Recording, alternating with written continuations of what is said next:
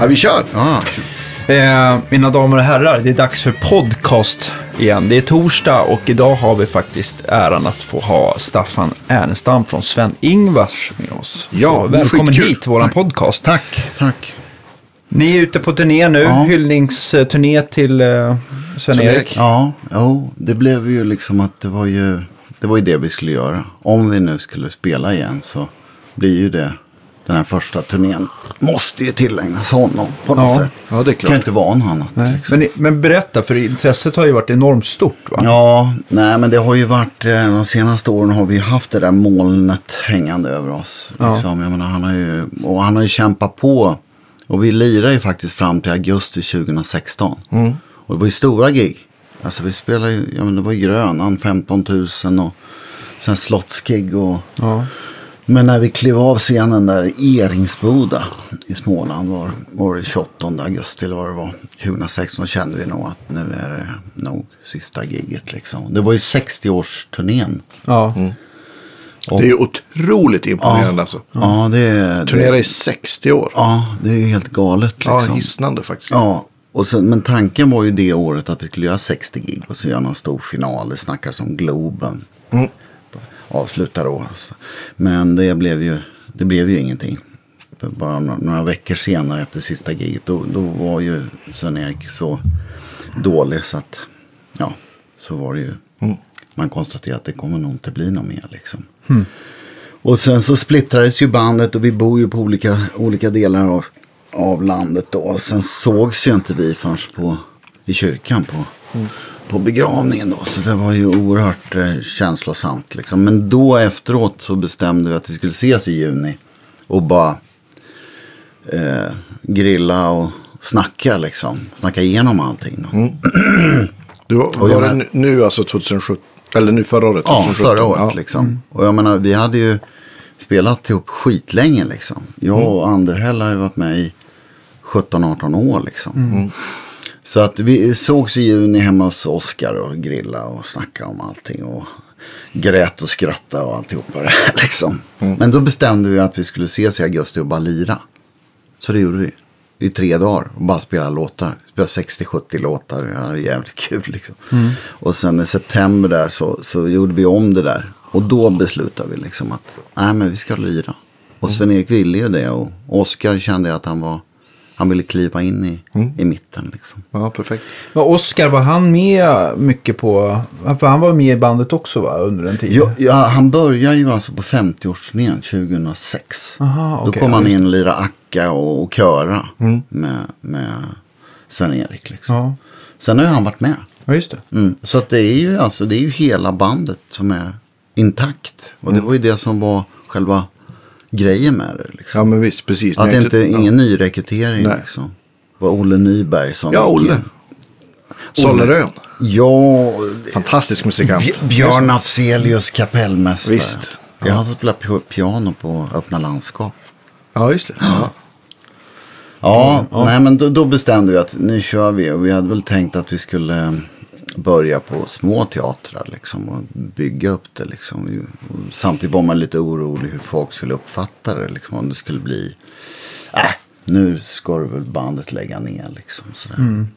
Men det Så ni var lite nervösa hur responsen... Ja, det blev liksom när vi sa, då, då ringde vi alla de här som har jobbat med oss. Alla eh, crewet och turné, turnéledare, produktionsbolag och skivbolag och sådär. Vad skulle ni säga om, om bandet skulle fortsätta liksom? Och alla var jätteentusiastiska. Det var ju bara kanon. Det är klart ni ska. Eh, Men så hade vi inte räknat med den här responsen som har blivit nu. Liksom. Ja, det var väl fullkomligt succé. Ni sålde slut på nolltid. Ja, det är, helt, det är mayhem liksom. Det är allt det bara hållit på liksom. Så att vi är väldigt, försöker bara sitta lugnt i båten och vara ödmjuka inför uppgiften liksom. Ja. Det är på något sätt vi, vi glider på någon räkmacka som Svempa har fixat åt oss liksom. Så att Kratta det- gången. Eller? Ja. Eller? I 60 år. Ja, så att han, han känns ju otroligt närvarande i allt vi gör. Liksom, sådär. Ja, det är häftigt. Det är en väldigt, väldigt speciell resa. Liksom. Men det här gigget som ni gör, är det så här mellansnack om honom och, och kanske bilder och grejer också? Jag har ju inte sett gigget. Mm. Ja, men, ja, men lite så är det ju. Liksom. Och att vi har försökt plocka, ja, inte göra någon typ av enorm låtkatalog. Och vi har ju inte försökt att göra någon hitparad på det sättet. Utan plocka de här som känns viktiga för, för oss och som var viktiga för honom. Och många tonsättningar som Sven-Erik har gjort. Mm. Så det, det, det är de grejerna som vi har liksom lyft fram. Liksom. Så det, och Os Oskar har gjort det alldeles strålande tycker jag. Det är ju hans farsa. Det kan man ju inte Ja, tänka. Ja, men det är ju jobbigt Ja, ja, shit, känslomässigt alltså. för oss. Ja, Men för honom det blir dubbel, dubbeljobbigt. Liksom. ja visst. Men Jag tänkte på Sven-Erik, eh, var han liksom författare till de flesta låtarna som ni kör? Eller har ni, har Oskar också skrivit eller ni andra i bandet tillfört? Nej men alltså eh, eh, Sven-Ingvars är ju från den tiden, alltså det, nu pratar vi 50-tal. Och, och på den tiden då var det ju liksom vattentäta skott mellan artist och, och låtskrivare och arrangör och producent. Det var ju så på den tiden. Det kom ju först på 60-talet med Beatles. Så att. Men, men Sven-Erik har ju tonsatt en hel del. Ja. Inte så mycket men en del. Ja, Liksom. okej. Och eh, sen, sen har det ju plockats in låtskrivare. Men vi har ju gjort eh, nyinspelningar. Har vi, gjort, vi har varit nere på hos Kristoffer Lundqvist i, i Skåne. Aerosol Grey Machine, fantastisk studio. Och spelat in. Och då, Oscar har skrivit någon och, och sen är det Sven-Eriks tonsättningar som vi har Ja. plockat upp. Ja. Och arrat om och gjort, ja, gjort nyinspelningar på. Ja, men jag, jag såg eh, video också på Akvärmland du sköna. Det var jättefint. Ja, kul. Jättefin Ja. version tycker jag. Ja, men det var ju, det var ju en sån här idé som fanns. Och vi, vi ångade på som sjutton i den här studion. Liksom. Det blev liksom att vi spelade in på, på band. Okej. Liksom, det vart, utan att vi hade snackat om det så blev det en sån otrolig liksom, vintage-fest. Liksom. Eh, att, att, shit, här sitter vi och spelar. Liksom. Eh, alla på en gång och Oskar sjöng. Liksom. Så att det är sådana takes, liksom, när allting är live. Liksom, utan att vi hade det som någon typ av Dogma, eller? Jag Nej. menar, egentligen, jag menar, jag struntar egentligen i hur det är gjort. Liksom. Ja, det är. Alltså egentligen, Ja. är det bra? Slutresultatet, Ja, är det, är bra? bra? Ja, Ja, precis. Nej, men det blev så liksom. Och då, då fick vi tid över. Vad ska vi, ja, men vi testar den här Ack Värmland, du sköna. Och, och så tyckte jag att vi kanske hittade en ton där som var... Ja, det känns som att vi tillförde någonting i alla fall. Ja, oh ja, verkligen. Och lite... lite det är ju som en psalm. Som en tidlös historia. Så där, som, om man ska göra något då, då måste man ju tillföra något känner jag. Att det blir liksom någon... Man, man sp- inte bara spelar låten. Liksom. Ja, men det gjorde ni med den äran. Jag spelar på en, en, han har en akustisk, vad heter den, Kalamazoo, heter den? Innan det hette Gibson. Heter det Ka- Ka- Ja, du vet något ja, annat, men alltså ja. jag tror att Kalamazoo och Gibson var lite så här samtida. Det kunde vara, det var liksom som en dotter, Okej. alltså ådra sådär. Men, För han menar på att den här, det här var innan liksom. Och den var ju så gammal. Mm, så alltså Gibson är ju så, alltså, nu får någon rätta mig där ute, men jag för mig att Gibson är äldre än vad Kalamazoo-märket är. Men- Okej. Men eh, jag kan ha fel. Okej, men det var en sån Men här. de kanske... Kan de ha gjorts på samma fabrik? Ja, men ab- absolut. Kalamazoo kan ju inte ha haft allt för många Nej. eh, gitarr... Eh, vad ska man säga? Modeller. Nej, jag tänkte inte så. Jag tänkte Fabriker. bara fabriker. Fabriker. Ja, För det är tidigt på morgonen. It rings a bell. Någonstans så... Nu dricker ja. jag upp mitt kaffe Ja, lite snabbt Ja, så att det ja, blir lite ja, skärp. ni får- lite spets lite på det här programmet. faktiskt. Nej men den här Kalamazon den var ju från så här 20-talet. Och den vägde typ så här två- hekto. Ja. Och den var så det är resonant att det så var larvigt. Jag spelade slide på den där. Ja. Och liksom, det var ju grymt alltså. Ja, det är möjligt att det är, att det är, jag har faktiskt dåligt påläst, jag ska, inte, jag ska inte slå mig själv för bröstet där när det gäller Kalamazoo och Gibson, vad som kom först. Eh, Men eh, ja, jag ska forska i det. Ja, nej, Kristoffer har ju grym samling med, med instrument. Alltså. Ja, det kan jag tänka mig. Ja, mitt ute på skånska landsbygden. Liksom. Mm. Vägsände.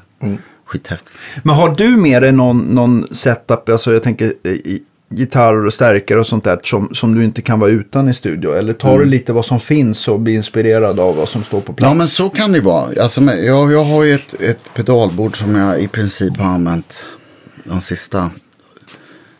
Med ganska små förändringar liksom. Ja. Så, det, det handlar ju mer om kompression och dist och boostar och sånt där. Och, som är liksom hjärtat i det. Liksom. Och Vad, då, vad har du på det då? ja, då är det ju, jag kör ju, jag kör ju alltid en, en kompressor först. Har du fastnat för någon speciell? Ja, det är den här Region Effects. Kalle 76. Ja. Den lilla eller den jättestora? Nej, bl- bl- nej den, den lilla kompakten med blend. Ja, Prylen, liksom. kompakt deluxe. jag, jag tyckte den var liksom, det var den jag hade letat efter tror jag, sedan jag var 15 år. Vet du, jag kände exakt Ja. samma sak. Och jag har, haft, jag haft allt. När Ja. det gäller kompressorer. Så jag har testat allt. Jag har bara kört med allt liksom. Just bländfunktionen, att man kan få tillbaka lite anslag och transient. Men Ja. ändå så hjälper den lite grann. Och att man har total kontroll va. Ja. Jag menar, spelar man liksom jättelågt om man spelar i en kyrka. Ja, det kan man patta på den där. Och liksom, Eller jag kan, jag kan kontrollera kompressionen. Mm. Eh, så den, den kör jag med. Och sen kör jag clo, clonen. Mm.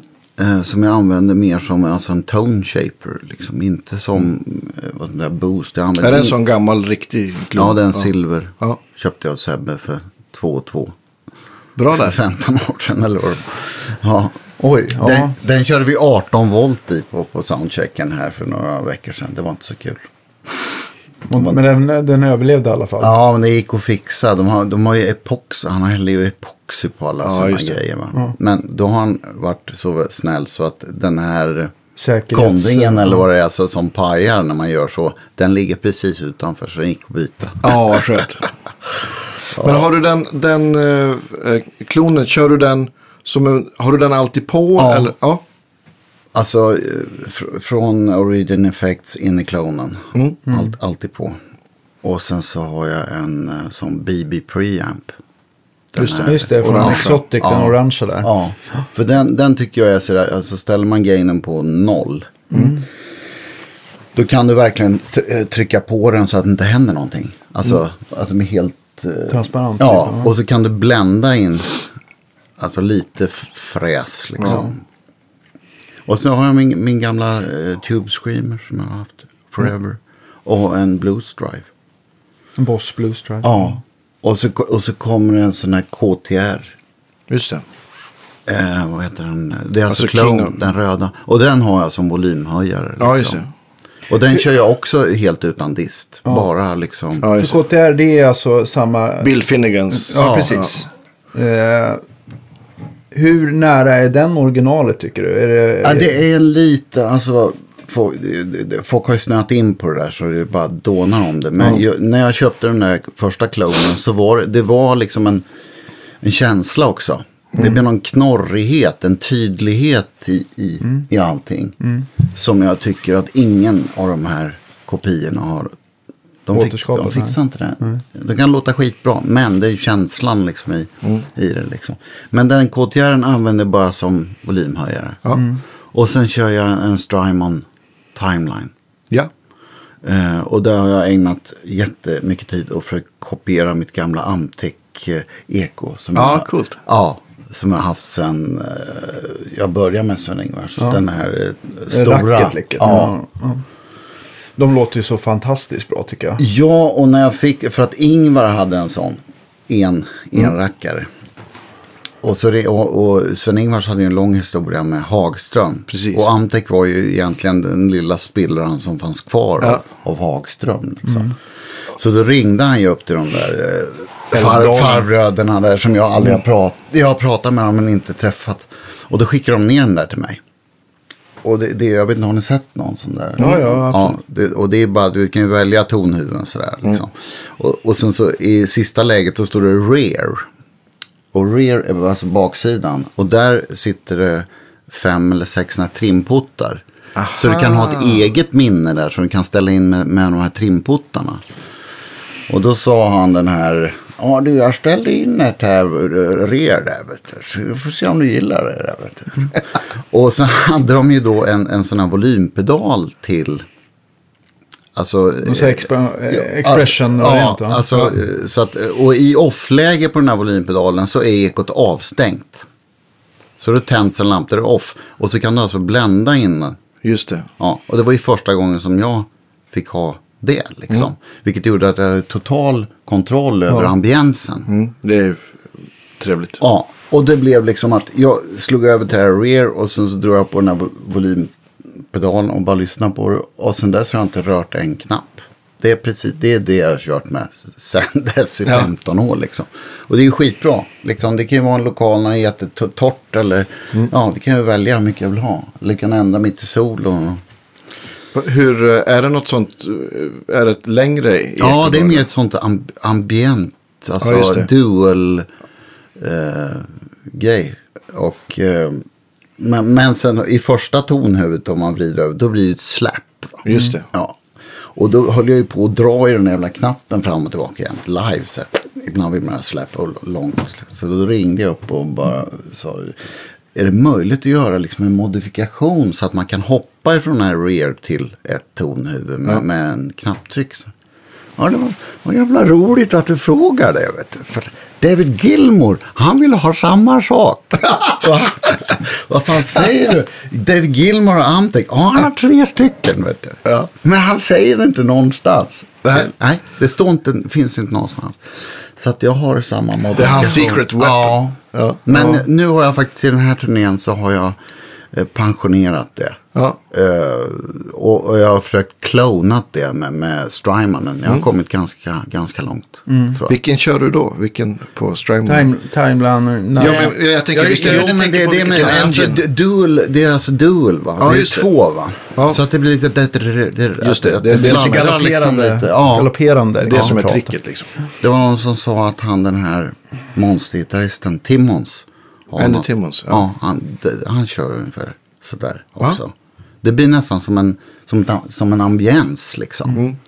Inte, och jag, jag ändrar inte någon, några, vad heter det, jag tappar ingenting. Nej. Men kör du expression-pedal med den Ja, också? ja precis. Ja. Det är det som är tricket för mig liksom. Mm, jag gillar det också. Ja. Det är väldigt expressivt liksom. Ja, och sen så är det ju, jag menar, det vet man ju alltid att, att så fort det kommer in en publik i en lokal så ändras ambiensen liksom. Och det man tyckte var väldigt blött blir väldigt torrt eller det kan vara tvärtom liksom sådär. Så kan man, då har man det på, på en pedal. Det tycker jag är kanon. Ja, det är grymt. Vad, vad gäller i stärkarväg då? Vad, vad eh, kopplar du gärna in i? Ja, men nu, nu på, det var väl tre år sedan jag köpte en Olsson. Klubb, Ja. Klubb 40. Och då satte han in en master åt mig. För att det var inte det på dem då. Nej. Och det tycker jag för första gången så har jag en förstärkare där jag har total kontroll över ljudet. Alltså jag kan spela jättelågt och det är fortfarande samma förstärkare. Och jag kan spela jättehögt. Så det är, för mig är det liksom en perfekt plattform. Okej, och då fick du göra, då fick du ta bort den här duell-funktionen då i reverbet kanske? Ja, precis. Ja. Men, må- men jag använder, jag brukar inte använda reverb-stärkarna. Nej. Men, men den där kör jag alltid lite grann. Ja, men det det är gör ett också att, det, att delayerna blir lite mer majonnäsiga. Det blir lite snyggare. Liksom. Majonnäsigt, jag förstår precis vad du menar. Ja, eller hur? Lite lyxigare. Ja, precis. Lite topping. Hemslungat och klart. Ja, Ja. Nej, men så att jag var jätteglad när, jag- när jag liksom, och, det, och vad jag gillade det var tydligheten liksom. Tidigare har vi spelat med, har vi spelat med det mesta som finns. Men senare år har jag haft en, en gammal Twin från 65 och en, en Vox AC30. De två har jag liksom kört. Jag kör all, i alla fall med Ingvars. Så jag kört två stärkare. Liksom. Inte pingpong utan jag har delay och så in i ena och den andra är, är torr. Liksom. Just det. Så jag kör in, i, inga sådana effekter. Liksom, sådär. Men nu är det bara en Club 40 eller Nu, är en, nu är det en Club 40 och en Custom Reverb. Ja, just det. Ja, ja just det. Så, så att det blev liksom... En Att, 36 wattare eller? ja, Ja. så att det blev att, att Club 40 ersatte ju Twinnen. Mm. Och eh, Custom Reverben ersatte AC30. Ja. Och jag, jag, AC30 är väl den stärkare jag spelar mest på. Mm. Så man känner mest hemma. Och Custom Reverben är ju verkligen mer AC30 Ja. med sina EL84 i slutsteget där. Ja, precis. Ja, men jag, jag kan ju gilla att, att, jag, att jag har, framförallt med Ingvars, att jag har ett ljud som är riktigt rent. Ja. Alltså som inte, det är inte en tendens till dist liksom. Det är starkt och tydligt, headroom liksom. För ska man spela de där klassiska, det är nästan Hank Marvin sound. Ja, med min gitarr och de här Ja. Nej, det måste vara liksom, och som Ingvar sa, det, Det är som att lägga örat på en järnvägsräls och så drar man till med en hammare. Liksom. Ja, men Däng! Däng! Ja men sånt jädra däng liksom. Och jag kan bli tokig på det där om man inte får till den där. Ja. Att, det, att det distar så här fult på toppen liksom. Sådär. Minns du vad Ingvar använde back in the days? Det gör Jag fick ju förmånen att spela i alla fall. Han pensionerades ju då på 50-årsturnén. Efter 50-årsturnén Ja. 2006. Ja. Så jag spelade ju alltså i 5-6 år Ja. med honom. Ja, jo. Bredvid varandra. Det var ju en jävla grej att få spela med en sån jävla hjälte. Nej men när, vi, när jag kom, första gigen jag gjorde med, Sven-Ingvars, då körde de Bassman Reissue. Och Ja. det var inte min favorit alls faktiskt. De tog ju pedaler exceptionellt dåligt faktiskt. Ja, de där 10-tummarna kan vara bråkiga Ja, men de var ju gjorda för att koppla en Telecaster en strata rakt in och vrida på så sköter man allting med gitarren. Liksom. Ja. Men om man hade pedaler och skulle ha kanske lite high-gain-grejer och så, det funkar ju inte alls. Liksom. Så att vi spelar ju på Vibro King. I eh, fem år kanske, sex år. Jag hade samarbete med Fender. Ja. Så det, och sen, sen hade han ju eh, ett långt och ett kort delay. Ja. Och det långa var jättelångt och det korta var jättekort. Och sen så hade han en tremolo. That's it. Ja, så hade han någon dist sådär, men det spelar ingen roll vilka distpedal för han har inte riktigt den där disten i fingrarna. Liksom. Han, Det låter i Ingvar liksom. Ja. Han är den enda som jag vet som låter skitbra på en Silverface Twin. Du vet sådär. sådär det går inte att få någon bra ljud om han inte pattar på liksom sådär. Men han, han, lät Han fantastisk. Det här på- 5000 gig på Ja, sådana. ja. Det här påminner mig faktiskt när John fick göra, göra en eh, Bandmaster-klon till en kund. Okej. Och, och jag tänkte så här med gamla original Jensen 10 Och det blev så fruktansvärt bright och jag och John stod och kliade oss i huvudet så här bara. Men, men det här går inte att använda liksom. Det är så bright så att det liksom. Så kom eh, Jonas då som han hette och började spela. Och det lät hur bra som helst. Så att det där, ja. Det blir så där ibland. De har, sitter i fingrarna, kan tämja de här Ja. Ja. Ja, det är ju... rovdjuren. Ja. Ja, men det där är ju... Man är olika. Man är liksom olika anslag och liksom... Och Ingvar är ju en dragspelare från början. Liksom. Just Ja, okej. Så han kommer liksom... Det är därför det är så svårt att plocka ut hans grejer liksom. Jag vet inte hur många gånger som det, man skulle lira något och så känner man liksom så här, ja men så här skulle jag spela. Men eftersom det är Ingvar så spelar han troligtvis där eller där. Liksom. Så, här, så försöker man förbereda liksom. Men det kan ju gå där också. Det kan vara där han lirar. Alltså kommer man till repet liksom. Nej, då har han ju någon annan jävla konstig voicing som man bara... Alltså där var jämnt med honom. Ja. Det är hopplöst då liksom. Det, så att det, det var ju väldigt speciellt när han slutade då. Uh, att jag skulle lira, det var ju bara att glömma. Man får ju bara försöka göra sin grej av det. Men är det, liksom. det är bara du som spelar gitarr nu då? Elgitarr, ja. Ja, ja. men Oskar lirar ju också, också, sådär. ja. Men som solist då. Mm. Så att det har ju varit, ja det har bara varit jag sedan 2006 då. Och innan dess var, var Micke Nord var med lite grann, eller? Men, ja, det var ju på, på 90-talet så, så, så kom ju Peter Damin in på trummor. Just det. Min, och vi ju- har ju spelat ihop forever. Liksom. Också Örebro. Ja. Och, eh, och sen blev det att de gjorde de här lite mer moderna poprockplattorna då. Och då var de ju tvungna att plocka in en gitarrist till. För, för att återskapa den ljudbilden då. Liksom. Och då var ju mycket med några år. Och sen tror jag Uffe Jansson var med någon turné emellan där. Och så kom jag in i slutet av 2000. Gjorde jag första gigen utan repetitioner. Och, ja. shit, det var en story för sig. Hur, eh, hur eh, innan eh, Sven-Ingvars-tiden, hur, eh, vad gjorde du då för någonting? Jo, men jag har ju haft rätt mycket. Alltså jag, från början kom jag ju från alltså bandhållet. Ja. Riktigt sådär. Man bildar band som, som 15-åring och, och vi lirar ju jämt liksom. Du vet, man, man, och eh, i Örebro på den tiden, det var ju massor med band. Jag tänker både så här äh, Malla och Lasse Melander som vi har haft. Ja, det var ju Och liksom... goda vänner misstänker ja. jag. Ja. Jag började ju egentligen, jag spelade klassiskt piano från början. Okej. I fem år. Men brorsan, min storbrorsa lirade och grannarna lirade där jag växte upp. Och eh, så det var elgitarrer och du vet man bara wow. Grannen hade en Les Paul, bara en sån grej. Va? Men eh, det dröjde nog till eh, åttan, jag var väl 14-15. Innan jag köpte en egen liksom. Och började liksom. Kom du ihåg vad det var för någonting? Ja, Eller? det kommer jag ihåg. Det var en, en, en Emperador Marauder. Okej. Kommer du ihåg om Marauder? Nej. Eh, Det var alltså Gibson, Ja. väldigt speciell Gibson-modell som bland annat, vad heter han, i Kiss, Paul Stanley hade. Sådär. Ja, den ja. Men nu vet jag precis. Just Med en mick lite- som är sned. Sådär. Ja, alltså Men är det te- den som är lite, jag tänker på den som heter RD, men det är alltså den som ser ut som en liten konstig Firebird eh, Explorer. men Nej, det här den, ser ut som en, en, en, Nej, en, är- en tunnare Les Paul. fa- Fast det, det är liksom mer nästan som ett strata plektrunskydd. Och så sitter en humbucker i halsen. Och sen så en, en humbucker som är snedställd som en, som en tele i, i, i eh, stall. Ja, men lite som en typ Moss Right nästan. Ja, kanske. Eller? Hade de ingen som hette typ L6 också som var mer Les Paul? Också så här träfärgad svart plektrumskydd. Ja, det här var ju liksom stort Ingen aning. plektrumskydd som var liksom lite smashigare sådär. Men eh, det var, ja, det, det, det var den första Ja. liksom. Och sen så, eh, brorsan hade en bluesbreaker. Som jag fick eh, låna. För han, han la väl av i den där vevan tror jag.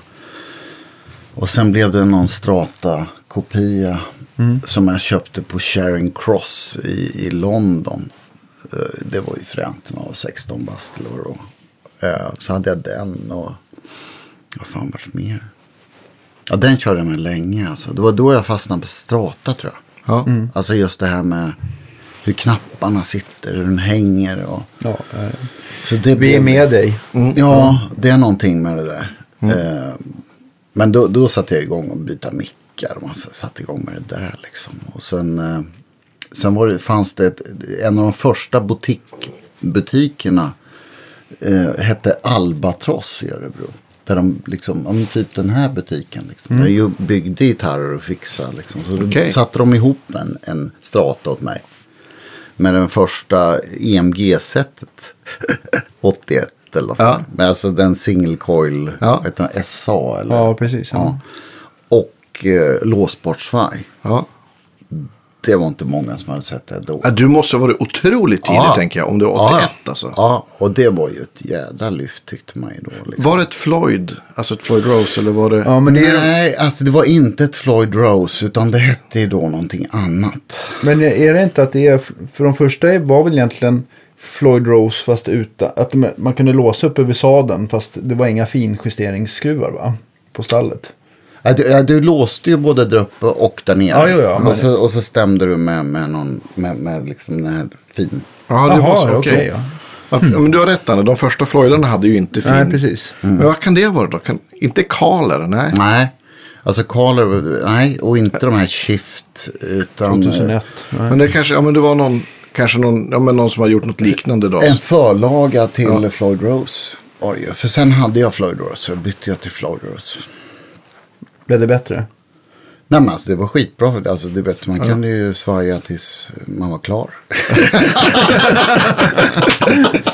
Underbart. Jag det är kommer- det. Jag kommer Ja, ihåg det gjorde en Norge-Danmark-turné med ett band som hette Det Funkar, Stefan Bergs band.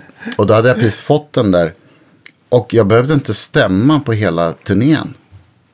Alltså jag stämde ju, men den stämde, guran stämde ju. Den stämde så jävla bra så jag vågade inte byta strängar. Jag var ju bara tonåring. Vad körde du med för strängar då om man får fråga? Kommer du ihåg vilket märke som du alltid valde? Ah, Det kommer jag fasen inte ihåg alltså. Stay in tune. Ja. Eller hur? Ja.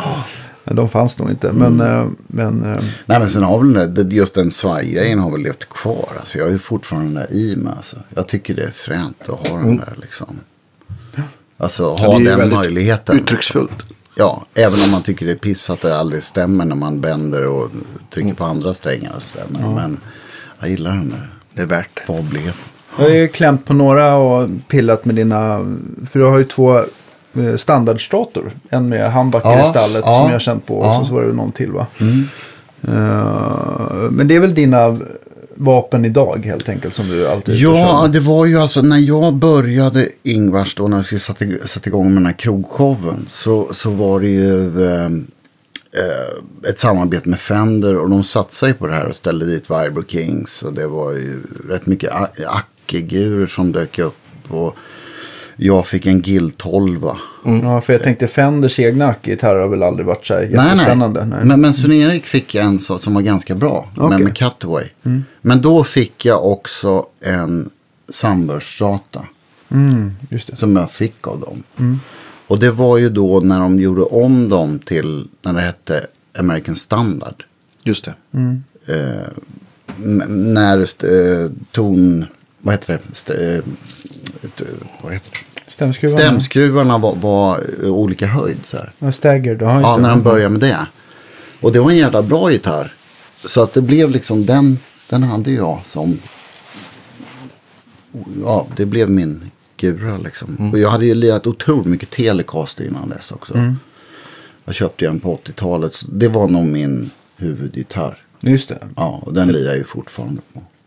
Är det bara en sån American Vintage 80-talare eller? För de gjorde ju massa, några Eh, olika. TLL eller ja, Stratan? Nej, TLL. Nej, TLL var, den, den, den är från 68. Ah, nej. Det är en sån riktig liksom.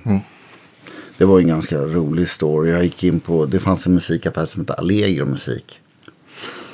Jag var inne där. Var Kanske låg var, den någonstans? Den låg på Storgatan eh, i Örebro. Mm. I alla fall så, eh, då står den där. En sån natur. Sliten, otroligt sliten. Hela greppbrädan var helt sliten för banden var helt nere liksom i... Ja, det var en lönnhals också. Ja, ja. mm. Och, och den var ju fantastisk. Och bredvid så stod en, en strata ifrån 64. Eller 66 kanske. 65 kanske. En vit. Okej. Och den var skit. Och han hade fått in båda två samtidigt i ett byte. Och jag bara shit. Och jag kände på dem där. Nej, jag, jag, jag, jag, jag köper båda liksom. Så. här.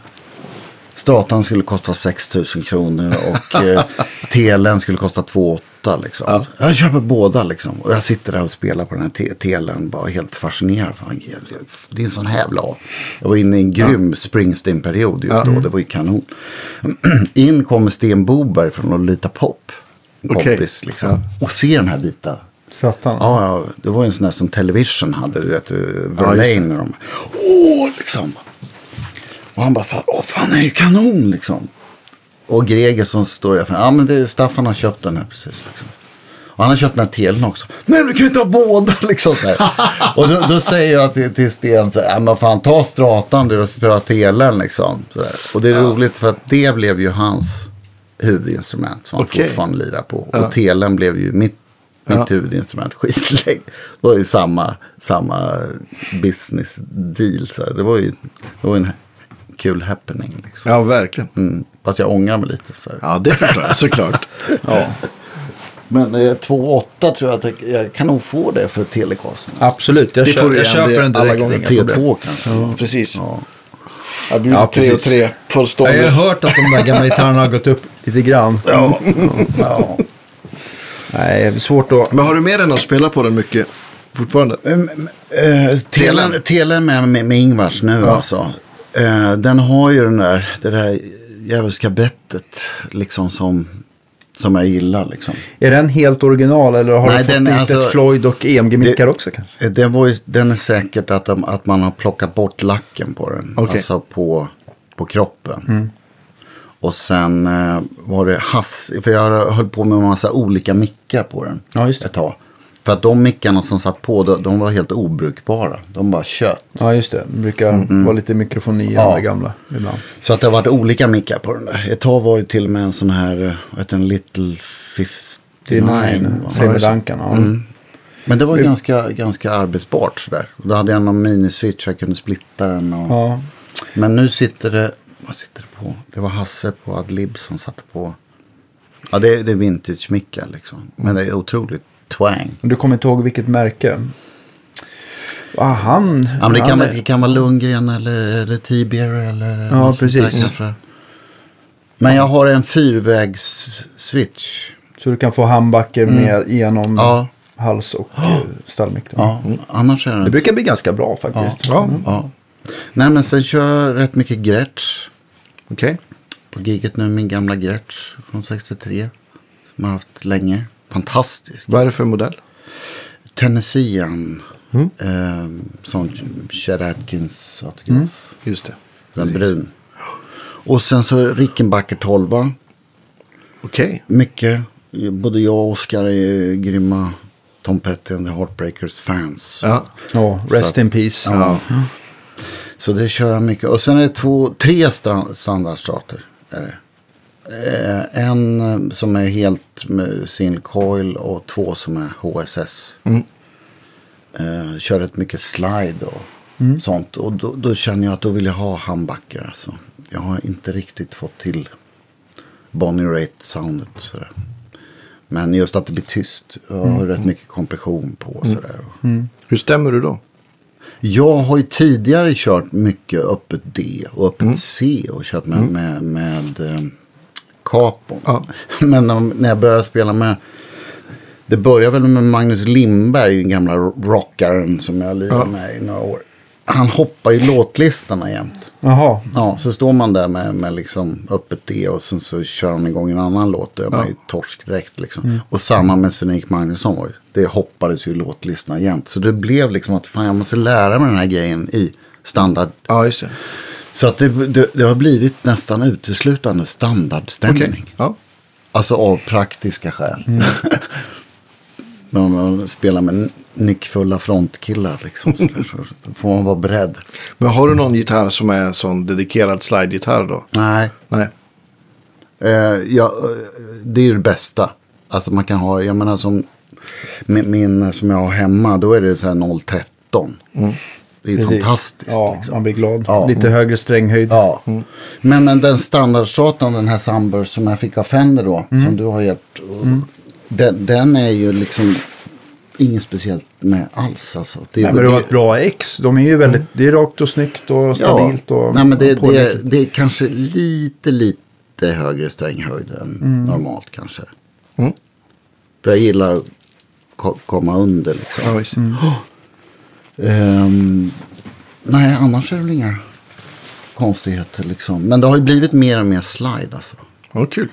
Jag har ju liksom, det började ju då när jag var tonåring och köpte en platta som heter Hold Out med Jackson Brown. David Lindley. Ja. David Lindley. Den Och jag giganten. var helt torsk. Bara, vad är det för sound? Och jag satt och tog ut all- allt det där. Liksom. Så fick man se något klipp när de körde Running on Empty. Då sitter han ner med den här konstiga grejen i knät. Det hade man ju aldrig sett då. Nej, visst. fan är det där liksom? Det fanns ju ingen som spelade. Stil. nej. Ja, men det var väl liksom Yngve Stor då kanske. Men i, i rocksammanhang i Sverige var det ingen som spelade uh, lap. Nej, visst. Grymt sound. Ja, ja, visst. Ja, men det, jag vet inte hur. Jo, men i USA fanns det väl. Men Lindley är i alla fall för mig den som populariserade det. Får man väl ändå säga. Och framförallt den här sound han hade också. Mm, just ja, i ja. sin gamla Dumble-kombo. Och, och, Ja, han visst. körde mycket deluxe Ah, också. okej. Alltså deluxe och eh, så hade han en eh, blues speaker i. Ja, Okej. en, en Celestian Bluesberry. Ja. Det, det, det var ju någon legendarisk story där han gjorde en session ihop med Total. Han. Okej. Och Lucas står med sitt hela skåp. Rack. Med dubbla frysar Med dubbla och- liksom. Och så kommer han in med sin, med sin eh, lilla deluxe och, och laps-stilen och bara sopar rent. Det var ingen som hörde något annat. Liksom. Det var, det var, han tog över hela skiten. Liksom. Han var ju grym liksom. Men det finns fortfarande några solon på den plattan. Som, som jag har i skallen liksom. Jag Vi, tror- vi jag- måste göra en, någon, någon, någon, här, någon liten lista tror jag. Så folk får höra. En Spotify-lista om vi orkar. Ja, jag, jag tror att jag, allt jag gör på slide är bara varianter av Lin, några Lindley-solo ifrån Mm. den plattan. Liksom. Finns, vad heter den? Jag tänker på. Finns en skiva. For, uh, For Every Man. Ja. 74. Eh, nu är det också lite för tidigt och för lite kaffe för jag ska komma på. Men det finns ju en låt där som har, det är ju här, typ världens bästa lapsteel-solo. Ja. Ja, jag kommer inte komma Ja. på det så jag släpper det bara. Men, Ja. ja. Nej, men just men det är liksom den, den Ja. stilen. Liksom. Ja. Men jag tycker även när han spelar på sin egen, den här blåa Elroy X. Den första gången man fick höra Mercury Blues. Det är Ja, inte ja. så jävla dåligt solo på den heller. Det, det, det finns någon live-grej på YouTube från typ 80-81 där. Alltså, kolla på, På det. SVT. Nej, nej, alltså på Nej. YouTube. Ja men precis, jo, men det, alltså, det finns något från något SVT-program. Ah, okej. Som också, förlåt jag bara går Ja. igång totalt på David Nej, men han har ju alltså på, på den här klippet jag tänker på. Då har han en sån här.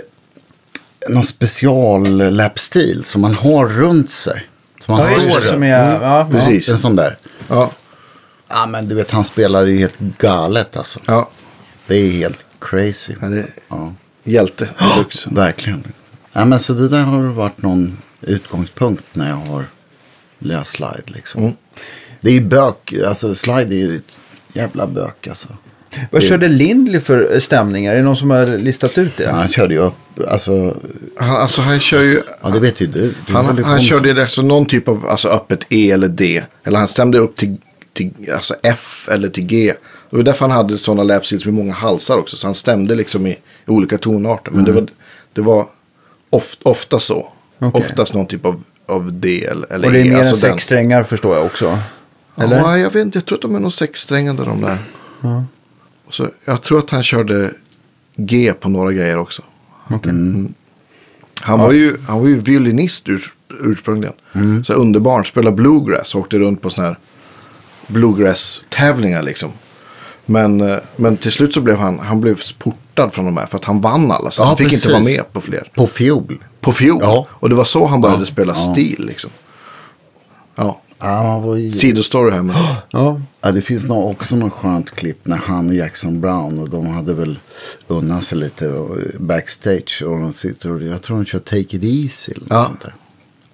Och de sitter och skojar liksom. Och han sitter med den här lilla lapstilen då liksom. Och det är ju inga effekter, ingenting. Det är bara klockrent liksom. Och han spelar så bra. Ja. Så det är helt galet. Och det är så rent.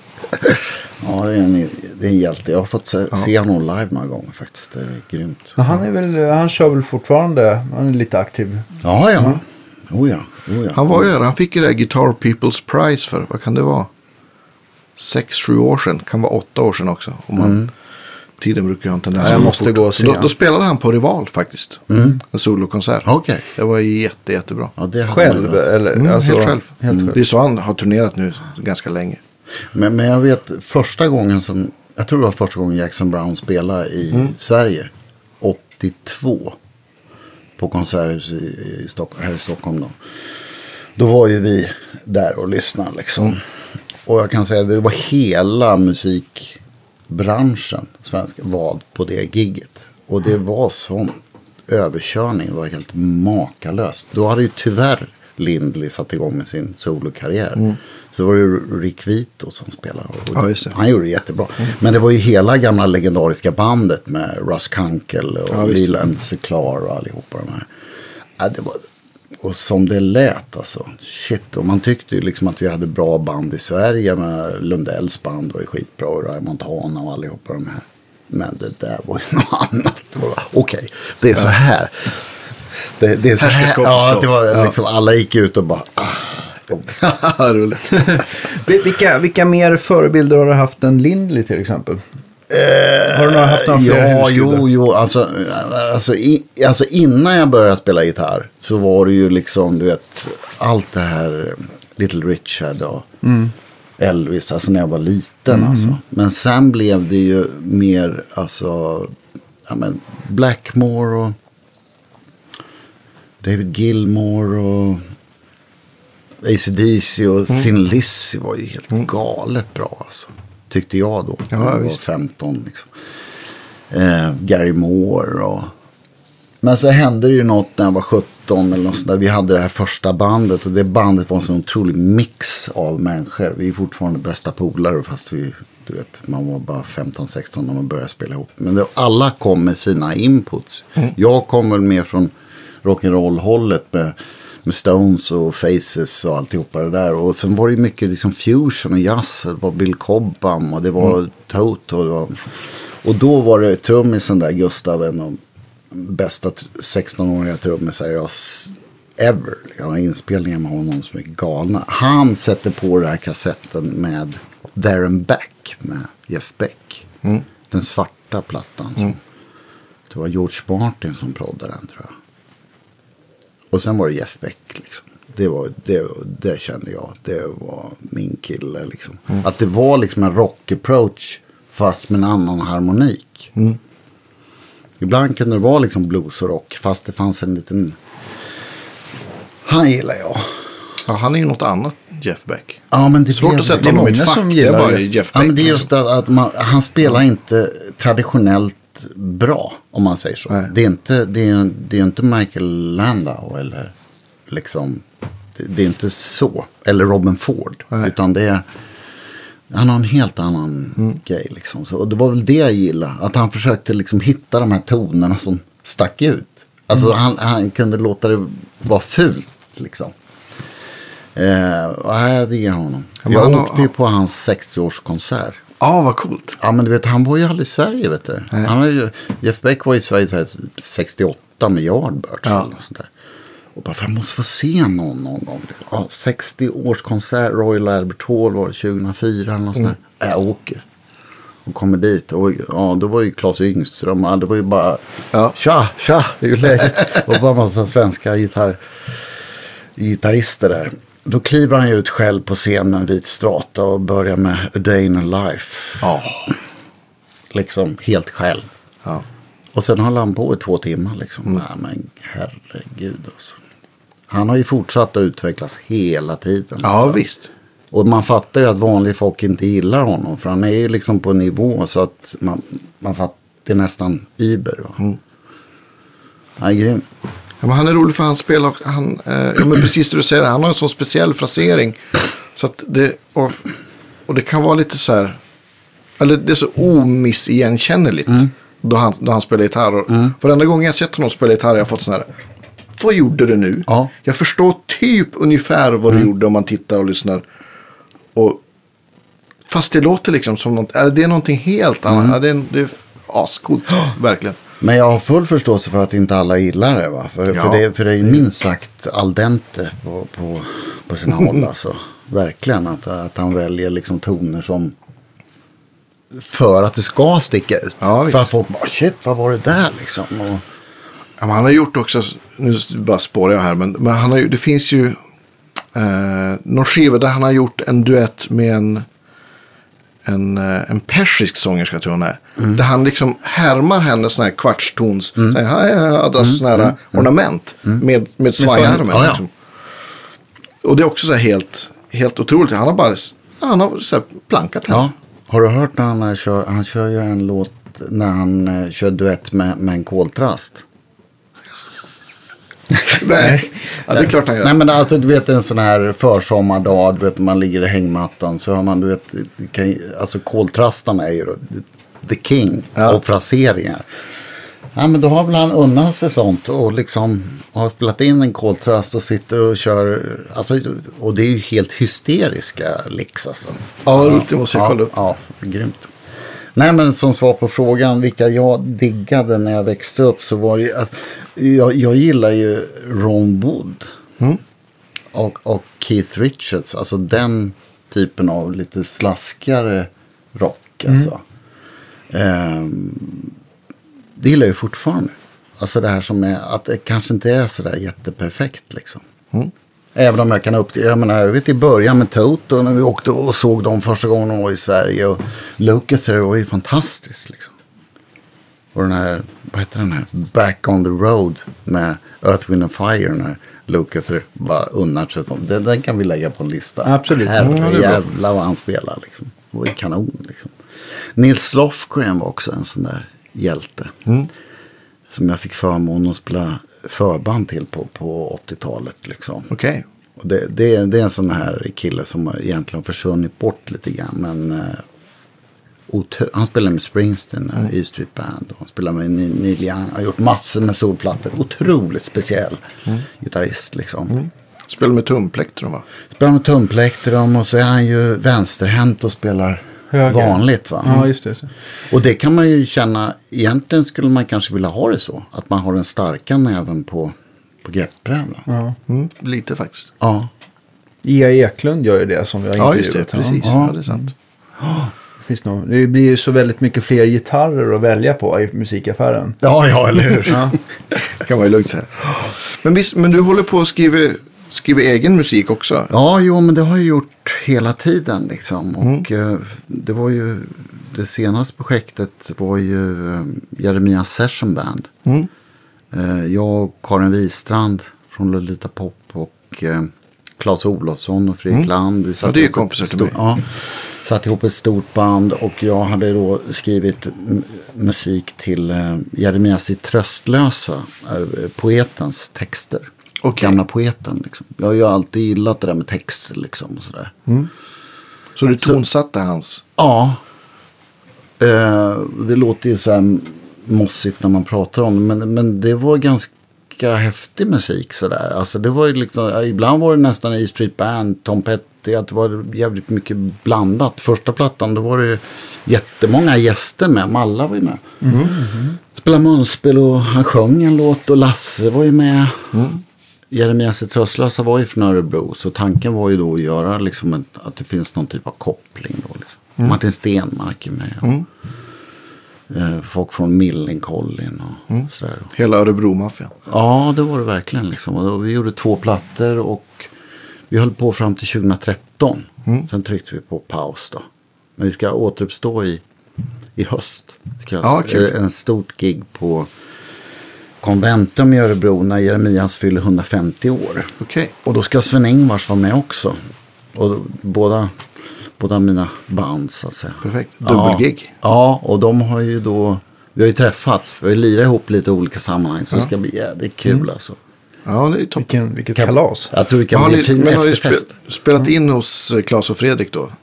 Ja, när första plattan gjorde vi ju alla grunder i Atlantis. Okej. Ja. Och sen gjorde vi alla pålägg hos dem Mm. i ry- rymdklang. Andra plattan eh, gjorde vi i rymdklang. Mm. Ja. Så att, eh, men vi har ju haft ett tajt samarbete av och till. Mm. Med Claes och Fredrik. Vi spelade ihop med, med eh, Rolle i partajbandet där. Ja, okej. Ja, just det. 99 Okej. Ja. år. Det var ju sånt där galet år. Så hade vi ett band som hette Los Habaneros 2005. Det var ju fantastiskt. Det var ju Rolle med också. ja. Var, Också en sån Örebro-profil. Ja, måste man verk, säga. verkligen. Liksom. Men han har ju nästan slutat nu tror jag. Han, han tröttnar på pop, popbranschen. Mm. Ja, men Claes och Fredrik är ju sköna alltså. Ja, verkligen. Fantastiska musikanter. Ja, ja, ja, ja. Claes eh, träffade jag faktiskt på Allegro Musik. När han, det var ju där han, när han jobbade. Okej. liksom. Då var ju han bara en liten knodd. Ja. De är ju någon generation yngre än vad jag är. Sådär. Ja, men jättebra. Mm. Och Micke, Micke Dahlén också. ja, herregud. Mm, Ja, han jag spelar jättebra. Så det, ja, det var en bra, bra laguppställning. Liksom. Mm.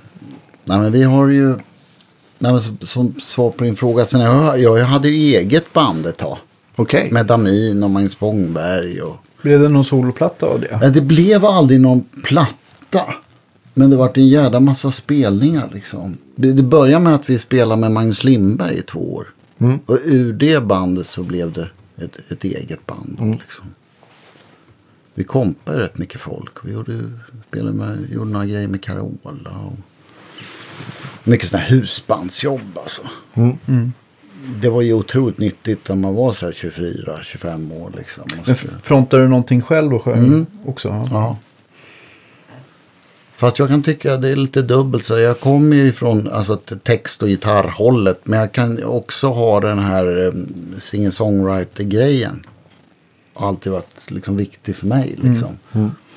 Och då har kanske gi- gitarrspelet fått stått eh, tillbaka lite grann. Liksom. Jag kan nästan tycka det är, är viktigare med låten kanske än gitarrspelet. Ja, liksom. men alltså låten är ju alltid kung oavsett. Ja. Det är om man... Det är det folk lyssnar på. Ja. Om, man, om man ska vara 100% Ja. ärlig. Men jag, samtidigt är det kul att kliva ur den grejen då och ju liksom vara hantverkaren. Ja. Mm. Som, som bara spelar gitarr. Jag älskar att spela gitarr och hålla på med, med grejer och testa och hålla på. Fan vad man testar det mesta i förstärkarväg och Ja, det är ju kul. pedaler. Hur snubblar du över Olsson? Olsson. Ehm, ja, det var väl mer rekommendationer. Liksom, att det där borde... För första gången jag sprang på Johns grej, det var nere hos Sebbe. Mm. Och då var det en klubb, nej vad heter det, 15 wattan. Ja, den lilla tweeden ja. Mm. Och då blev jag inte så himla... Blues 15. Blues 15, ja, precis. Och jag har ju haft en förkärlek, om man bortser från de här stora förstärkarna, man ska ha små grejer, då har jag kört med Pro Junior. Alltså den minsta Fender. Den- Två rattar och Ja, det är, kanske 10 den, det är kanske den förstärkaren som jag spelar mest på. Alltså. Och så byter man högtalaren. Jag kör Celestion i. i. I med bra rör. Skitbra förstärkare. Och den är ganska högljudd för att vara så liten. Ja, liksom. oh ja. Mm. Och då tyckte jag att den här 15 watts Olsson inte hade det här headroomet. Liksom. Så jag, var inte, jag var inte så impad. Liksom. Men så skulle vi göra ett företagsjobb med Tamin, Peter Tamin och Peter Gunnarsson här i Stockholm på, på Waterfront. Och då fick jag låna en, Club 40. Och då hade jag, hade jag med mina andra förstärkare ifall jag inte skulle gilla den. Så. Men jag gillar den jättemycket. Alltså. Ja. Så, jag kan gilla den här tydligheten. Liksom. Jag, tror inte, jag tror inte det passar alla. Alltså den stärkan. Nej, det, är den- som, en- det är som en AC30. Alltså man måste, om man spelar du fel då hörs det. Ja, ja visst. Det, det man gillar är att den är ganska jämn i frekvensgången. Sådär. Den har Ja. inte den här typiska Fender eh, Blackface-dippen eller att den är överdrivet bright som många amerikanska eh, liksom, Nej. byggare har en tendens att bli. och sådär. Så att de Ja, men är det, ganska det, kan, ju- det, balanserad. det, det märkte man ju direkt att här är någon som har tänkt till. Det, är- alltså det är svårt att få den att låta illa. Även om man ställer den i något extremt läge så låter det ju aldrig illa. Allt är liksom arbetsbart. Liksom. Men för Fender-förstärkare så har du ju en sweet spot. Eller en, alla förstärkare har ju, där låter det bra. Där, men drar man, drar man upp för mycket där låter det skit. Liksom. Olsson låter, låter bra hela tiden. Och just också så här, så här små grejer. Ni vet ju de flesta som har provat Fender-förstärkare att volymkontrollen, att nästan allting, det liksom, man- man ryggar ju till redan Ja. på tvåan Ja. för att Ja. allting händer i Ja. början. Va? Ja, Men här precis. har man försökt att lägga ett svep liksom som verkligen kommer gradvis med hela kontrollen. Ja. Så att man har lite bättre, du som gillar kontroll. Ja. Ja. Jo, men det, det, det är väl det man har försökt eftersträva under alla år. Att man kan kontrollera volymen, kontrollera kompressionen, kompre, ko- eh, kontrollera disten. Liksom. Ja, men ibland så, jag gör en del sån kyr, kyrkogrejer, både akustiskt och ibland så är det elektriskt också. Och så ska det vara någon high gain, grej va? i en kyrka. Det måste vara jättelåg volym. Liksom. Jättelågt. Men ändå vill du ha liksom hänget och sådär. Så att det är väl det jag har strävat efter tror jag. Att, att känna att man... Jag menar som en AC30. Du måste ju upp på, på en viss volle. För det ska funka liksom. Element Twin eller vad det nu än är. Marshall likadant liksom. Ja, eller hur? De har en sweet spot på ett Ja, annat visst. sätt. Ja. Marshall körde ju skitmycket med på 80-talet. Men eh, inte, inte längre. Vad, vad tänkte jag på för något annat som, eh, som eh, ja, är svårt att få kontroll på i akustiska gitarrer, uppmickade live. Hur har du löst det där för att bli nöjd? Har du Ja. hittat något vinnande Ja, koncept? men vi har ju hållit på jättemycket eftersom vi har, alltså från att jag började med Ingvars så blev det ju mer och mer akustiskt live. Alltså fast det är trummor och bas och alltihopa. Och då, då höll vi, när vi började med de här krogshowerna, då var det ju liksom otroligt mycket gig. Vi bara höll på liksom. Och vi var tvungna att få det här att funka. Då kunde vi unna oss lyxen och jämföra liksom. Och, och testa. Vi, man radade upp tio lineboxar. Och massa olika system liksom. Det är ju en sak om du sitter själv med Nacka. I en kyrka liksom. Eller än att du ska spela med band liksom. Och då var det ju. Då var det ju Rare Earth. Som vi tyckte Fishman, ja, just. Ja, och de, de har ju sina nackdelar. Men de har ju sina fördelar. De funkar ju alltid. Ja, det är en magnetisk De gör väl två varianter, en single coil och en humbucker va? Ja, precis. Vilken fastnade ni för? Ja, men egentligen lät ju single coilen bättre. Men lite öppnare Men då, då är det mycket ljus och hej och hå, då blir det störningar liksom. Ja, ja. Så att, eh, men eh, sen får man ju försöka hitta de där lite honkfrekvenserna och försöka dämpa ner dem lite. Mm. Men jag, jag, ty- jag tycker de är jättebra. Och jag kör fort, vi kör fortfarande, både jag och Oskar kör med, med Rare Earth på, på många gitarrer. Liksom. Problemet är ju om man har olika system på olika gitarrer. Just det, att det skiljer en nivå och man vill Ja, du leka vet. om. Och du ska så. byta under samma, samma gig. Sådär. Så, att- men Rare Earth har, varit standard för mig. Och sen har det varit Radials linebox. Den aktiva eller passiva? De gör väl två Jag, jag olika? har, när vi testade 10 lineboxar, då var den här, heter den J48. 48, Mm. Den var liksom, ja men den är lite bättre. Alltså lite mer tydlig, lite mer. Var det någon som var rent av riktigt dålig? Ja. Men de kommer jag inte nämna. Nämna? Nej. Alla andra som får Nej men liksom tråkiga liksom. Om man jämför liksom. Den är ju den är ju bra. Det är en klassiker. Men, men så gjorde de ju, Radial gjorde ju en, en värsting då. Så, som hade egen strömförsörjning, sån här klass A. Mm. Heter JDV eller JVC eller något sånt där. Den har jag kört med. Mm. Men nu kommer jag byta till den här Pitconischen.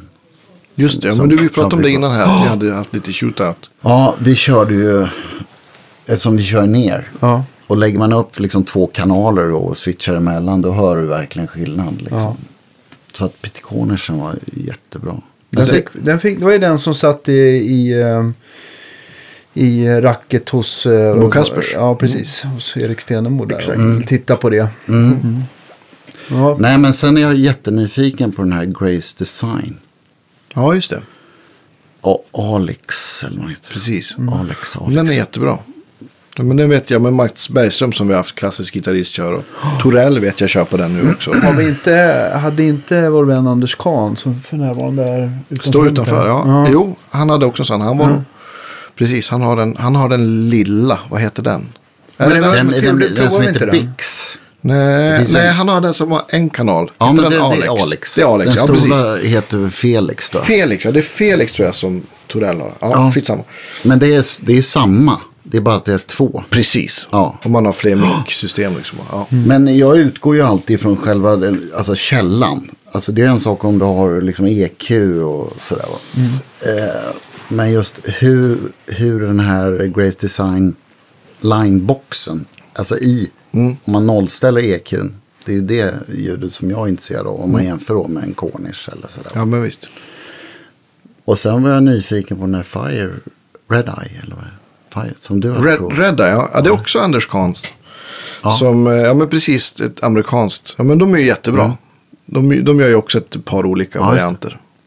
Den Anders hade med som vi testade i det. Och ni som inte har hört det avsnittet så, du, så kolla upp det. det. Vi testar massa olika linade Ja, Acke-lösningar. eh, så, och den Red Eye var ju verkligen en sån ögonöppnare tyckte jag. Ja, Vi ska väl göra någon till sån shootout tycker jag. Det är Definitivt. Alltid, alltid Ja, uppskattat. Ja, Ja, men det är ju... eh, Det, jag brukar ju testa grejer när jag är på turné. Alltså, när, alltså på soundchecken, när man är i riktigt sammanhang. Stå, stå i replokalen, det är ju... Ja, det är bara en försmak liksom. Man måste ut på... ja, man måste gigga på grejerna. Det är ju- ja man måste höra i ett sammanhang liksom. Ja. Hur, hur är det med, eh, förutom eh, lineboxar, är det fler saker som du tycker gör stor inverkan på soundet? När ni, Akka, I Akka? ja, eller elgitarr också för den delen. Eh, ja, Förutom alltså, pedalen och förstärkaren sådär. Gör kablar? Har de gjort ja, men jag bytte ju. ja. Jag, jag bytte ju till en sån här kl- klots, krots. ja, klots. Ja. Ja, och det var ju guld. Jag tyckte det var värsta skillnaden alltså. Eh, Jag har ju haft förmånen att haft väldigt fina backline-tekniker. Ja. Som har liksom lött kablar till mig. Ja. Och då har inte jag reflekterat så mycket. Så jag tror jag har haft samma alltså, gitarrkabel in till pedalbordet i sju år. Liksom. Det har alltid funkat. Det ju kanon. Men så provade jag den här, vad heter den? Kro- heter Klots. Klots. Klots. Ja, Ja. jag tycker det var skitbra. Mm. Det var kanon. Så den kör jag till, till hackan nu också. Liksom. Ack, ack, ja, men jag, jag tror jag ska köra den där som du rekommenderar. Vovox. Ja. Ja, Just i Akka. Det tror jag också. Men du kör, jag har ju kört WoW också lite Mm. grann. Och jag har ju varit ute med den billigare varianten. Den billiga varianten den kostar ju endast bara 1000 kronor för tre meter. Ja, men om man tänker på hur mycket pengar man lägger på andra grejer alltså, så är det ju Ja, larvigt att man snikar in på kabeln. Nej men alltså det gör framförallt den där första kabeln mellan från gitarren till, till första pedalen som är Precis. på. Det kan, göra, det kan ju verkligen vara natt och dag. Det kan vara från att det låter näsa till att det låter öppet och brett. Eh, Så det tycker jag nästan kan göra större skillnad än vad, än vad, ehm, än vad många pedaler eller... Ja, men även- visst. Det är ju ändå det första. Och man får inte glömma att, att liksom, ja, en gitarr är ju passiv. Så att, Det är ju inget som... Eller i alla Ja, fall har, en du, elgitarr. har, du, har du EMG-mickar så Jo, det spelar det sant. mindre roll. Ja, Men- precis. Men det är inte lika vanligt längre. Ja. Nej, men så kan jag nog rekommendera att testa sån här Region Effects eh, kompressorn till Akka live. Alltså det kändes som att det var otroligt, li- att man kan få den här effekten som man får i studio. Alltså när man kör, Men ni, ni kör den, du har den på ditt ackebord också då eller? ja, nu har jag inte det, inte på turnén. Nej. Men när jag har suttit och kört de här akustiska sologrejerna och sådär, då, då, då lånar jag den från elbordet. Så. Men jag ska skaffa en, du kan verkligen få den här när det verkligen sitter på näsan utan att det känns komprimerat. Det är bara Ja, att allting blir jävligt tydligt. Tack vare den här bländ, bländknappen liksom. Jag är lite sugen på att testa för de har ju en basvariant också. Just Där det. det finns en, en, en hi-pass som man kan få bort bas. För att oftast kan det vara att, det märker jag också när man mixar ackegur, att det ligger ju väldigt mycket energi i bassträngarna. Ja. Så att det är de som får liksom kompressorn att och, och ducka liksom. Och man, kan man liksom få bort det så blir det jättebra. Ja, ja. Men, men jag tänkte på, för den här Kali-varianten, den finns ju stor och liten. Är det någon ljudskillnad där tycker ni, ni som har jämfört?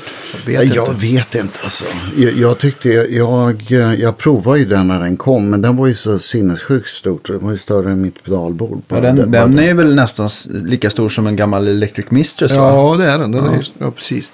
Ja. Ja, men, eh, jag har inte jämfört, men de, de stora har ju, har ju alltså Lundahl Trafos. Så att det, något gör det ju säkert med ljudet. Om det är bättre eller sämre, det vet jag inte. Men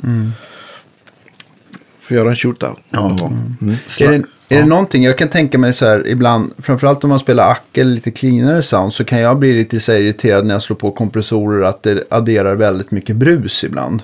Ja, men det, där, alltså de är ju... Det får man stänga ner bara. Ja, koppla bort. Nej, men jag, jag, det är klart att det adderar lite grann. Men jag tror att Origin Effects har kommit så långt som det går. Alltså, Det är väldigt lite tycker jag. alltså det, är, det är inget jag, jag tänker Det är väl, på. väldigt långt från en, Det är många liksom som- en, som- en XR. Många håller på med det där att, det ska vara, att allt ska vara brus och brumfritt och, och sådär. Men, men jag menar, mitt i popdånet sådär så vet inte jag om jag... Jag har alltid kört med single coil och kompressor. Det är klart det, det brummar och brusar och har sig. Men man har på något sätt lärt sig att hantera det där. Ja, men precis. Så på varje ställe där det eventuellt skulle kunna påverka Mm. eller höras. Då drar man ju ner eller sänker. Mm. Jag brukar ha, ibland har jag liksom volympedal liksom. Så Mm. och då, på något sätt så stänger man av allting. Är, man hör aldrig det där. Nej. Eh, Enda gången jag på riktigt har haft problem med, med just den här single coil grejen. Det var jag spelade vägg i vägg en biograf. Och hörslingan från biografen gick in i min stratta. absolut. Jo men det är det första man Så får att stänga eh, av. vi, fick, eh, vi, vi fick liksom bryta låten. Och så, och så sen, eh, ja, det var, var Tommy som jag spelade med. Så hade vi gissningstävling att de i publiken skulle gissa vad det var för film. Det var så pass starkt. Det var liksom, ja, Jo men Vilken stratta var det? Eh, det var min lönstratta. Jaha, den, ja just det, den Sunbursten där. Ja, precis. Men har inte du ett sån här Eilish-system? Jo, men det hjälper inte Det mot hörslinga. Vet du. Nej. Hörslinga nej det är, alltså, det, är det de- värsta. De måste stänga av. Det Ja. tjuter ju. Alltså det tjuter ju fast du inte har någon dist på eller något. Det är bara. Ja. Nej, men det märker man ju väldigt fort om man kommer in i en, en, en teater eller ett konserthus. Om hörslingan är på om man har en single coil-gitarr. Ja. Det är ju, men det här var, det, var- det var liksom, det var, det var komiskt. Det var liksom mitt i en låt så. Ja. Ja. Och ibland kan det vara att det bara... Ja, att det blir som en rundgång, ja, precis. liksom hela tiden. Man tänker Yngve har ju lyckats ganska bra att spela single coil och vrida ner. Och det finns ju fler. Ja, fast han har väl, han har har väl kört stackat stackat. Ja. Exempel. Han, vill, han, han, han säger väl ofta själv att det är single coil, men ja. Ja. Nej, vi kan ta den diskussionen någon Nej men precis, ja, men det är väl man vrider ner då det ska vara. Mm. Då man inte ska låta. Nej, precis. Och jag, menar, jag använder ju både tonkontroll och volymkontrollerna jättemycket. Alltså. Hela tiden liksom. Och då är det ju, och det, det märkte jag skillnad när jag bytte till den där kabeln. Alltså, just att man känner att allting funkar lite bättre. Liksom. Så att eh, jag brukar ju köra de här distarna och sånt där jag har. Det blir ju nästan så om jag har ett spikrent ljud och sen drar dra ner den till drar ner 75 procent eller något sånt där. Och trycker på den här BB preampen. Då är det ungefär samma ljud. Alltså jag kan liksom. Så att när jag, när jag har på mitt värsta solljud och är nere på tvåan på gitarren. Då är det liksom nästan samma ljud hela vägen. Förstår du vad jag menar? Ja, visst. Så att jag, jag kan liksom, då kan jag liksom fälla upp hela paletten. Liksom. Ja. Lite sådär jobbar jag. Liksom. Så att när man, eh, när, om, om jag mitt i en låt trycker på värsta disten. Då hör man inte det. För då har jag kompenserat med, med volymen. Liksom. Vad kör du för strängar? Jag har numera gått över till eh, Dadario. Pure Nickel. Ja. Eh, Jag tycker att den rundar av den här lite äckliga diskanten. Den här som gör lite ont. På alltså den här som man tycker är skön när man har spelat på ett strängset, nytt strängset några timmar. Så, då, då, blir- då låter de lite bättre. De lika lite sticka i början, tycker jag i alla fall. Då. Och de här Pure Nickel känns som att de är bra från början. Liksom.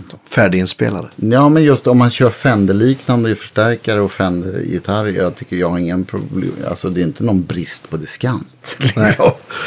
Så, ja, men jag, jag tycker det, det, det har varit ett jävla lyft för mig. Och på, på Acke då? Då kör jag, jag, har- jag har provat lite olika coated.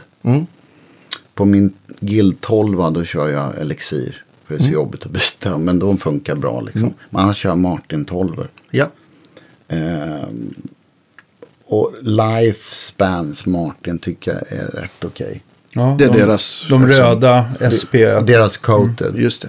Ja, de är faktiskt det, det är liksom, men om man bara ska gå på hur det känns och hur det låter så är det ju vanliga Martin 12. Tycker jag. Liksom. 1253 då. Ja, det är det? Ja, vanliga jag tror att det är de standard. röda. Ja, röda, exakt. Ja. Ja, men det... Ja, jag körde ju Tomastic Power Brights på elgitarrerna alltså i 10-12 år. Ehm, för de hade Österrikiska strängar. Ja, de är kända för sin rocktradition. Bluesens hemland. Exakt. Österrike. Ja. Nej, men eh, de, de gillar jag. Men Ja. jag tyckte liksom att Dadario, alla, många kör ju Dadario. Mm. Och jag har varit lite, jag brukar ju alltid vara så, om alla kör det, då får jag köra det här. Liksom. men, eh, nej, men jag tyckte det var skönt, det var som att komma hem. Mm. Liksom. Tidigare har jag varit lite sådär nojig när man byter precis innan gig och sådär. Jag, jag känner att man vill spela in dem Mm. lite, men Dadario kan göra det. Liksom. De är väldigt konsekventa i kvaliteten kan man ju lugnt säga. Och Rickenbacker 12 då kör jag en, en pyramid heter de. Ja, okej. De är lite lätt slipade va? Ja, men det är ju liksom sån exceptionell diskant i, i de där. Mm. Så att eh, jag tycker de, det är bra att det är slipat liksom. Och de byter man när de går av liksom. de får sitta. Och det är väl inte slipat som en flatspunnen sträng utan det är att man har tagit bort den här, den här lindade ytan. Att slipat Ja. av den lite grann så att man Ja, får lite lenare. Lite som half rounds. Ja, ja, precis. Vi har ju en sån här fråga som vi ställer alla våra gäster. Så här. Yes. Huset brinner, fruar, barn, katter, hundar och så vidare redan ute. Du, du hinner bara formera en enda gitarr. Vilken blir det då? Ja, det är nog min Tela alltså, från 68. Misstänkte nästan. Ja, ja men den, den har varit med så jäkla länge och eh, jag har ju James Bonds autograf på den. Ah, Alla tror att, vem är det som har skrivit det här? Liksom, är, det, är det James Roy Burton. Buchanan eller är det Jeff Beck eller så. Nej, det var faktiskt, vi spelade på Bingolotto år 2001 eller något Mm. När vi gjorde krogshowen liksom. Och in kommer Roger Moore. Och jag och Wojtek Gorala, eh, saxofonist, väldigt fin saxofonist. Vi sitter i soffan och bara, shit, här kommer James Bond. Liksom. Så han tar fram sin sax och jag tar fram min Telecaster. Här skriver. Så att Vo- Vojan och jag har James Bonds autograf på våra instrument. Det står James Bond och inte Roger Moore då eller? Nej, det står ju Roger Moore. Men för oss, eh, vi som växte upp där, då är det ju så, så, så var det någon tjej som hade nagellack så här transparent som körde på. Så. Ja, så att det är väl den jag skulle rädda då, Ja. tror jag. Ja, det är Bra val. Ja. Stort tack för att du ville komma och vara med i ja, vår, vår och lycka podcast. till, lycka Ja. till med eh, turnerandet. För ni har väl, eh, det är väl eh, extremt många gig satta. Så att eh, Ja, folk vi- har väl tendens att kunna gå och titta på det nu under resten av året. Ja, jo, vi, vi är bokade till 22 december. så att vi har att göra. Vet du hur många gigs ni har satt ungefär? Det låter nästan Nej. som att det blir tresiffrigt då. Nej, det tror jag, nej, det tror jag inte. Men, Men- det är inte, så, inte som 2001, 2002, 2003. Då hade jag ju liksom så här, nästan 200 hotellnätter. Liksom. Mm. Nej, men det, nej, men vi kanske gör en 70, kanske 60. Mm. Kanske något. Så att eh, då får ni komma. Och tack för en fin podd. Tack. Tack. Tack. Jag har fått eh, mycket tips. Ja. Ja, kul. Kul med Isaksson och med... Ja, Ja, ja visst. alltid trevligt. Vi har, vi har några med S Malla, Malla och. Lasse, och Lasse Welander. Ja. När jag växte upp då var ju de husgudar. Nej, Vilken svensk gitarrist har gjort störst in, in, intryck på dig? Eller påverkat dig mest? Ja, det måste ju vara dem alltså. På något sätt. Eftersom jag växte upp i Örebro. Ja, men det förstår jag. Men det Det- fanns flera. Det fanns en kille som hette Tommy Svensson som, var, som Lasse och Mats gillade. Okej, när de ja. växte upp. Ja. Han som, som skulle bli rekryterad till Fleetwood Mac. Men han vågade aldrig. Han åkte till London men han vågade aldrig kliva in i replokalen. Så han åkte hem. Jaha, okej. Oj, shit. Så- vilken Jag tror att vi har pratat om det här. Salig, salig i minne. Han gick bort här för ett tag sedan. En sån här legendar. Men det är Finn Sjöberg och Ja, visst. Jag menar, det har ju funnits otroligt mycket duktiga musikanter i Örebro liksom, när jag Mm. växte upp. Liksom. Men det, är väl, det, är väl, det är väl de tror jag. Mm. Alltså, ja, ja, det. Men så finns det Peter O. Ekberg, var fantastisk. Ja, ja, visst. Ja, han håller på fortfarande. Håkan Björnheim, herregud, det finns många. Många Ja, men, hjältar. tack för idag. Ja. Och, eh, och stort tack till alla, alla våra kära lyssnare som delar och recenserar. Och, och, Ja, Det är- sluta inte. Sluta inte. Keep jätte- it up. Tack så hemskt mycket. ja. Vi eh, ses och hörs nästa torsdag. Ja, det gör vi. Ha det bra. Hej då. Hej då.